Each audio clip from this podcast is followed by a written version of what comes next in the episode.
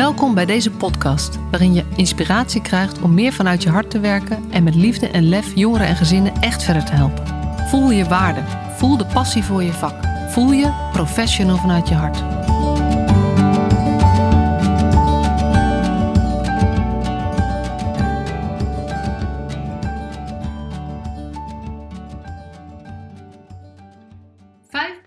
meer liefde en lef en we hebben morgen een mooiere jeugdzorg. Daar dat is waar ik rotsvast in geloof. En dat is ook waar ik vandaag met jullie over van gedachten wil wisselen. Althans, ik deel mijn gedachten met jullie en ik hoop dat jullie je eigen gedachten erover laten gaan. Leuk dat je weer luistert. Vandaag een aflevering met mij alleen. En ehm, ik vond dit wel een mooi onderwerp voor vandaag. Meer liefde, omdat als je kijkt naar waar we het over hebben in onze sector, zijn het over allerlei grootse thema's die heel veel te maken hebben met hoe wij kinderen en ouders en gezinnen en jongeren verder kunnen helpen. En we hebben het over doelen, structuur, behandelingen, interventies, aansluiten, ehm, vaardigheden leren, uh, gevoelens herkennen en erkennen. Allemaal hele belangrijke grote woorden, maar ik mis één woord en dat is liefde. Want we weten toch allemaal dat wat kinderen in de eerste plaats nodig hebben, en wat mensen in de eerste plaats nodig hebben, is liefde. Dus wat maakt dat wij zelfs soms bang lijken te zijn om het uh, te hebben over uh, liefde in onze sector? Alsof liefde niet professioneel is. En dan weet ik zelf ook wel dat als je het over professionele liefde hebt, dat we dan in een heel andere sector uitkomen. Maar toch zou ik dat gesprek wel eens willen voeren. Omdat ik vind dat het niet hebben over liefde en liefdevolle zorg, maar het hebben over goede zorg, eh, passende zorg, aansluitende zorg, allemaal dat soort termen, vind ik dat we zoiets wezenlijks missen dat we kinderen en ouders gewoon tekort doen. En sterker nog, dat we ze soms zelfs verwaarlozen, omdat we al die andere dingen wel goed doen, maar de liefde mist. En uh, dan moet ik ineens denken aan, uh, die had ik niet van tevoren voorbereid, uh, aan geloof, geloof, hoop en liefde. En de meeste van deze drie is de liefde. Dus we weten het allemaal, we leven het volgens mij ook, want iedereen, heeft, ja, iedereen vindt het fijn om zich te omringen met mensen die hem lief zijn. Als het gaat over je eigen kinderen, dan heb je het natuurlijk over dat je van ze houdt en dat je ze liefde wil geven. Hetzelfde gaat over als je het over je neefjes en nichtjes, uh, of over uh, misschien wel je vrienden, dat je, daar heb je, kan je ook van houden. Maar er ligt een soort van taboe op um, houden van kinderen met wie je werkt, of houden van ouders met wie je werkt. En ik weet dat dat taboe helemaal niet voor iedereen geldt. Dus misschien denk jij nu wel van, ja, ik, eh, zeg, ik vind dat wel gewoon. Maar je zal waarschijnlijk herkennen dat we in onze sector daar best wel weinig met elkaar over praten. En ik vind dus dat dat veel meer zou moeten zijn. En een van de aanleidingen daarvoor, die bij mij daar wel iets liet, liet uh, een kwartje liet vallen, was de dialoog die Wim Spierings heeft gehouden naar aanleiding van de documentaire Alicia. Die documentaire is in 2017 uitgekomen. Er volgt een meisje van negen. Um, die is negen jaar als de documentaire start. start. Uh, en zij woont op een groep omdat ze in afwachting zijn van een, uh, van een pleeggezin. En ja, ze wordt, ze wordt drie jaar gevolgd. En in die tijd zie je haar veranderen van een klein, verdrietig, ja, jong meisje van negen. Tot een high-by, een niet, niet goed te hanteren, boze, jonge tiener van twaalf. Die gesloten geplaatst wordt. En die, nou, het is echt aangrijpend om te zien. Dus, dus google hem eventjes, Tweedok en Alicia. Dan kan je hem zo vinden. Uh, en dat is absoluut de moeite, moeite waard. Ik ken mensen die hebben hem niet uitgekeken. En ik heb nog gekeken met een doos tissues naast me op de bank. Dus dan weet je een beetje wat voor soort film het is. Maar heel erg mooi. En heel erg zuiver in beeld gebracht. En naar aanleiding van Alicia zijn er tien dialoogavonden geweest. Dus met mensen in het land in gesprek waar ook sprekers waren die hun gedachten lieten gaan over thema's die met Alicia te maken hadden. En een van hen was dus Wim Spierings. En die heeft een prachtig betoog gehouden, waar ik één elementje uit wil halen. En dat is dat hij zei, als mens heb je drie wezensvragen. Drie vragen die voorafgaan of onderliggend zijn aan alles wat je verder gaat doen en ook hoe je je voelt en hoe je je kunt ontwikkelen. En die vragen zijn, wie houdt van jou wie houdt van mij? Bij wie hoor ik? En voor wie doe ik het toe?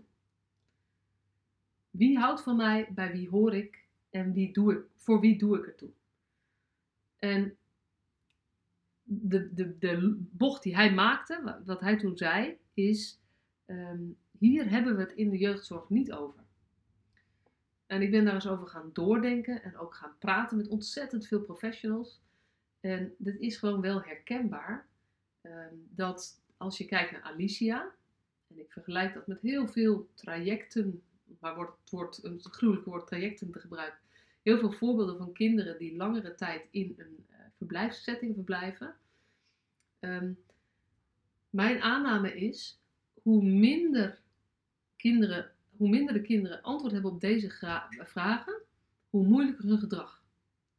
Dus je zou het ook kunnen omdraaien en je zou je kunnen afvragen bij elke jongere die echt moeilijk gedrag heeft en die eigenlijk niks lijkt te willen, niet in beweging lijkt te komen en ehm, eh, moeilijk benaderbaar is en niks doet om zijn toekomst beter te maken, durf ik de stelling wel aan dat hij moeite heeft met het antwoord op, op deze drie vragen. Wie houdt van mij? Bij wie hoor ik en voor wie doe ik het toe? Want als je dat niet weet, heb je eigenlijk geen reden om te leven. En ik denk in ons hele prachtige, doorontwikkelde, effectieve stelsel, waar het zo erg gaat over inzet van hulpverlening, besparen van kosten, de juiste indicaties, ehm, de goede interventie, de passende interventie. Allemaal dingen die belangrijk zijn, absoluut. Eén wat meer dan het andere. Ik hoor mezelf het rijtje zeggen en dan denk ik, ik zeg nu dat ik uh, de financiering belangrijk vind. Die is noodzakelijk, maar uh, niet, belang, niet per se belangrijk. Um, maar wat ik daar echt mis, is die liefde. Dus meer liefde. Daar begint het volgens mij mee. En liefde is iets wat alleen maar tussen twee mensen kan ontstaan en kan bestaan. Dus het vraagt volgens mij voor jou als van jou als professional om met meer liefde, meer de liefde toe te laten in je werk. En meer te voelen voor de kinderen en de ouders met wie je werkt. Meer lef. Dat gaat voor mij over dat de protocollen um, jou, de, de, protocollen, de behandelinstructies, de uh, richtlijnen, kunnen prachtige hulpmiddelen zijn, maar op dit moment lijken ze ertoe te leiden dat veel mensen zich er helemaal aan gebonden voelen. En meer lef gaat erover dat het volgens mij nodig is om vaker buiten de lijntjes te kleuren of het grijze gebied op te zoeken. En um, ik denk dat meer liefde en meer lef ook met elkaar te maken heeft. Ik heb hele gesprekken gevoerd bij het, bij het maken van de titel van mijn boek. Moet nou lef eerst of liefde eerst? En ik heb gekozen voor liefde, omdat ik denk, als je je hart meer laat spreken, dan vloeit er automatisch uit voort dat je op sommige momenten meer lef hebt om af te wijken van wat gebruikelijk is. En dat is soms gewoon nodig. En ehm, ik denk dat als je meer lef hebt, dat je ook meer durft op te staan voor waar je zelf in gelooft. En dat dat ook echt belangrijk is, omdat het je helpt om dichter bij jezelf te blijven. En dat geeft jou weer meer voldoening. Dus uiteindelijk denk ik dat er alleen maar winnaars zijn op het moment dat jij veel meer durft te gaan voor waar jij zelf in gelooft. En ehm, gaat het dus over uh, lef hebben om buiten de lijntjes te kleuren, om andere begrippen te gebruiken, bijvoorbeeld het over liefde te hebben. Ehm, en ook een andere mening te hebben dan de meeste mensen in jouw team. En daarbij zeg ik niet, iedereen moet dit, uh, moet zeg maar vanaf nu helemaal zijn eigen ding doen. Want je hebt teamspirit nodig, je hebt gezamenlijkheid nodig. Maar het gaat voor mij wel over, hebben we nog het lef om te delen als wij ergens anders over denken. En ik denk meer lef gaat echt helpen om het met z'n allen beter te maken. En dan is het leuke stukje, het begint met 5%. Want ik geloof niet in radicale ommezwaai. Omdat ik denk dat dat helemaal niet nodig is. Ik heb het niet over het stelsel, ik heb het over hoe wij werken. En ik denk dat er ongelooflijk veel goede dingen gebeuren op allerlei momenten door ontzettend veel mensen. Ik ken zoveel bevlogen jeugdprofessionals dat ik er alleen maar blij van word om met, met jullie te mogen werken. Um, maar ik denk dat de winst te halen is om dat nou allemaal net een klein, klein beetje meer te doen. Dus 5% is uit de lucht gegrepen. Het had ook 1% kunnen zijn of 10%. Of een, weet je, het maakt eigenlijk niet uit. Maar waar het mij om gaat en waar ik denk dat we echt verschil kunnen maken, is door heel bewust te kiezen om 5% meer te doen van het goede wat we al doen. En daarover 5% meer met elkaar te delen. 5% meer ehm, eh, op te staan in onze organisatie. Te zeggen, hier kan ik niet meer achter staan om het zo te doen. En eh, er is een heel groot verschil met naar je baas gaan en eh, zeg maar met een radicale ommezwaai zeggen: vanaf nu doe ik het niet meer. En het is afgelopen en dit zijn mijn voorwaarden waaronder ik mijn werk nog doe. En met 5% meer liefde en lef naar je baas gaan en zeggen: joh, ik heb alles eens op een rijtje gezet. En op dit moment lever ik niet de kwaliteit die ik zou kunnen. En dat heeft te maken met dat ik gewoon te veel gezinnen op een bordje heb. Wat heel reëel is. Maar daar heb je wel lef voor nodig om dit gesprek aan te gaan. En misschien wel nog een keer, en nog een keer, en nog een keer, en nog een keer. Dus um, voor mijn gevoel zit het verschil in heel veel kleine dingen samen die maken dat we uiteindelijk echt een andere cultuur krijgen, op een andere manier met elkaar samenwerken. Ehm, dus ook bijvoorbeeld dat je, uh, als je met gezinnen werkt en ehm, het gaat de hele tijd over veiligheidsissues in een bepaald gezin, terwijl jij je afvraagt of het er wel zo onveilig is, dat je dat durft te zeggen in het overleg waar je zit. En ehm, misschien ben jij zo iemand die dat altijd kan, maar ik kom heel veel professionals tegen die vinden dat best wel spannend. Dus het gaat ook niet over dat we dat allemaal op dezelfde manier moeten kunnen. Maar het is eigenlijk een oproep aan alle individuele professionals om 5% meer van zichzelf mee te nemen en 5% meer liefde en lef te tonen op hun eigen plek, op hun eigen manier, zolang het ook nog, het mag net een beetje oncomfortabel voelen, maar dat het nog wel bij jou past. Want dan blijf je het ook volhouden. En um, ik heb gemerkt dat dit best wel een belangrijk uh, verschil is met um, vooral roepen het moet anders, het moet beter. Wat ik natuurlijk ook vind. Um, maar door het ook weer klein te maken en te zeggen ieder klein stapje de goede kant op maakt uit, maakt het voor iedereen behapbaar en iedereen kan daarom ook meedoen. En daarmee gaat het ook nooit over de ander of over je collega's of over de mensen van de andere instelling, maar gaat het altijd over jou. Want wat je ook doet, hoe goed je je werk ook doet, sommige mensen zijn subliem, hebben ongelooflijk veel liefde en lef. En die mensen zou ik ook willen zeggen, wat betekent, wat, wat betekent voor jou 5% meer liefde en lef? En heel vaak komt het er dan op uit dat het voor hen betekent dat zij meer met hun collega's delen wat zij doen en hoe ze dat doen. En uh, door die verhalen meer te vertellen, inspireer je anderen ook weer. Daarmee gaat het dus nooit over de ander en altijd over jezelf.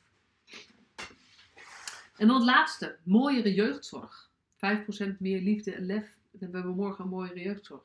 Kan dat überhaupt, mooiere jeugdzorg? Ehm, want er gaat natuurlijk heel veel, uh, er, zijn best veel reacties inmiddels ook op LinkedIn.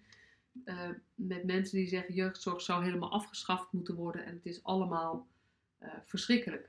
ouders die zich niet gezien en gehoord voelen. Ehm, en ik schrik daar soms ook wel van, van de heftigheid van die reacties. Dus mooiere jeugdzorg. Het wordt mooi en jeugdzorg in, in één uh, zin. kan voor sommige mensen een soort nou ja, onmogelijkheid klinken. Ehm, en ik denk dat dat zeker kan. En dat het ook moet. Want ik denk, zolang we ouders hebben die zich zo, uh, zo dat zo'n grote groep ouders en jongeren zich niet gehoord en gezien voelt, doen wij het niet goed genoeg. En ehm, dan kunnen we heel erg kijken naar dat bepaalde uh, mensen natuurlijk altijd klagen. Maar er zijn ook heel veel mensen die helemaal niet altijd klagen, maar ook nog steeds het gevoel hebben dat het hen niet verder helpt. En ik denk dat dat wel, dat, dat, dat is in ieder geval wel mijn focus. Dat, dat we toe moeten naar, moeten, ja, moeten, naar een situatie waarin ouders en kinderen zich gehoord en begrepen voelen. En waarin professionals zich ook happy voelen. Want ik zie, ehm, eh, ik zie eigenlijk in, in de jeugdzorg zoals het nu is, veel kinderen en ouders die niet blij zijn en ook veel professionals die niet blij zijn. Terwijl het werkelijk waar het mooiste vak van de wereld is. Dus ehm, in mijn beleving kunnen we door, uh, door op, met kleine dingen te gaan letten, kleine dingen anders te gaan doen, op, op een bepaalde manier ons hart veel meer te laten spreken kunnen we volgens mij veel meer betekenen voor kinderen en ouders. En kunnen we zelf veel meer voldoening ehm, halen uit, uh, uit wat we aan het doen zijn. Omdat je dan weer teruggaat naar kinderen en ouders echt helpen. Want dat is een van de dingen die ik steeds terug hoor en teruglees. Ik zou willen dat ik gewoon tijd had om mijn werk te doen.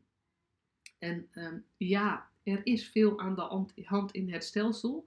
En ja, misschien moet het, wel, moet het stelsel wel radicaal anders om, uh, om het echt op te lossen.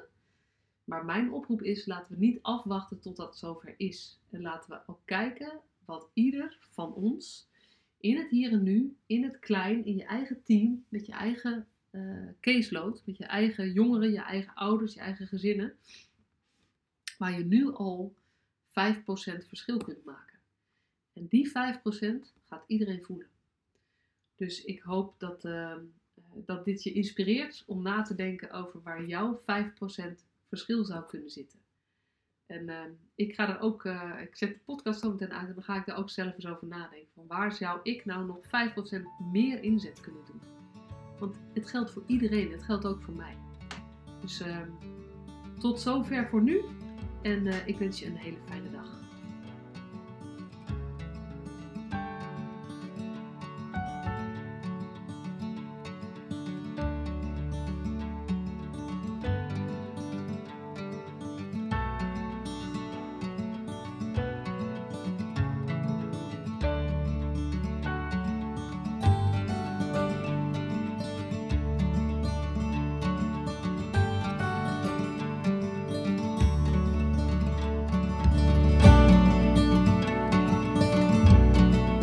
Superleuk dat je weer luisterde naar deze podcast. Dankjewel. Nog even kort een paar belangrijke dingen. Ten eerste, het is mijn missie dat de jeugdhulp weer een sector wordt waarin bevlogen, liefdevolle professionals jongeren en gezinnen echt verder helpen. Daarom maak ik deze podcast voor jou. Wil jij deel uitmaken van deze beweging van Professional vanuit je hart, waarin professionals elkaar steeds opnieuw inspireren? Begin dan met het lezen van mijn boek. Je kunt de eerste hoofdstukken helemaal gratis lezen. Ga naar professionalvanuitjehart.nl slash boek.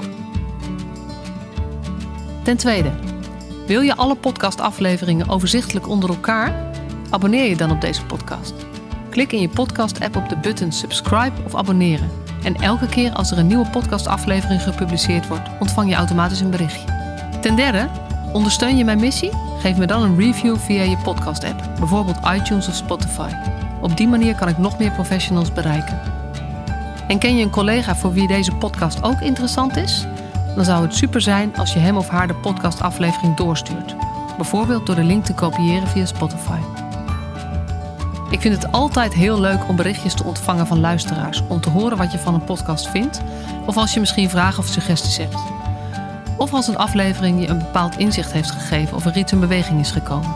Stuur me dan even een berichtje op masha.professionalvanuitjehart.nl via de website of stuur me een connectieverzoek op LinkedIn.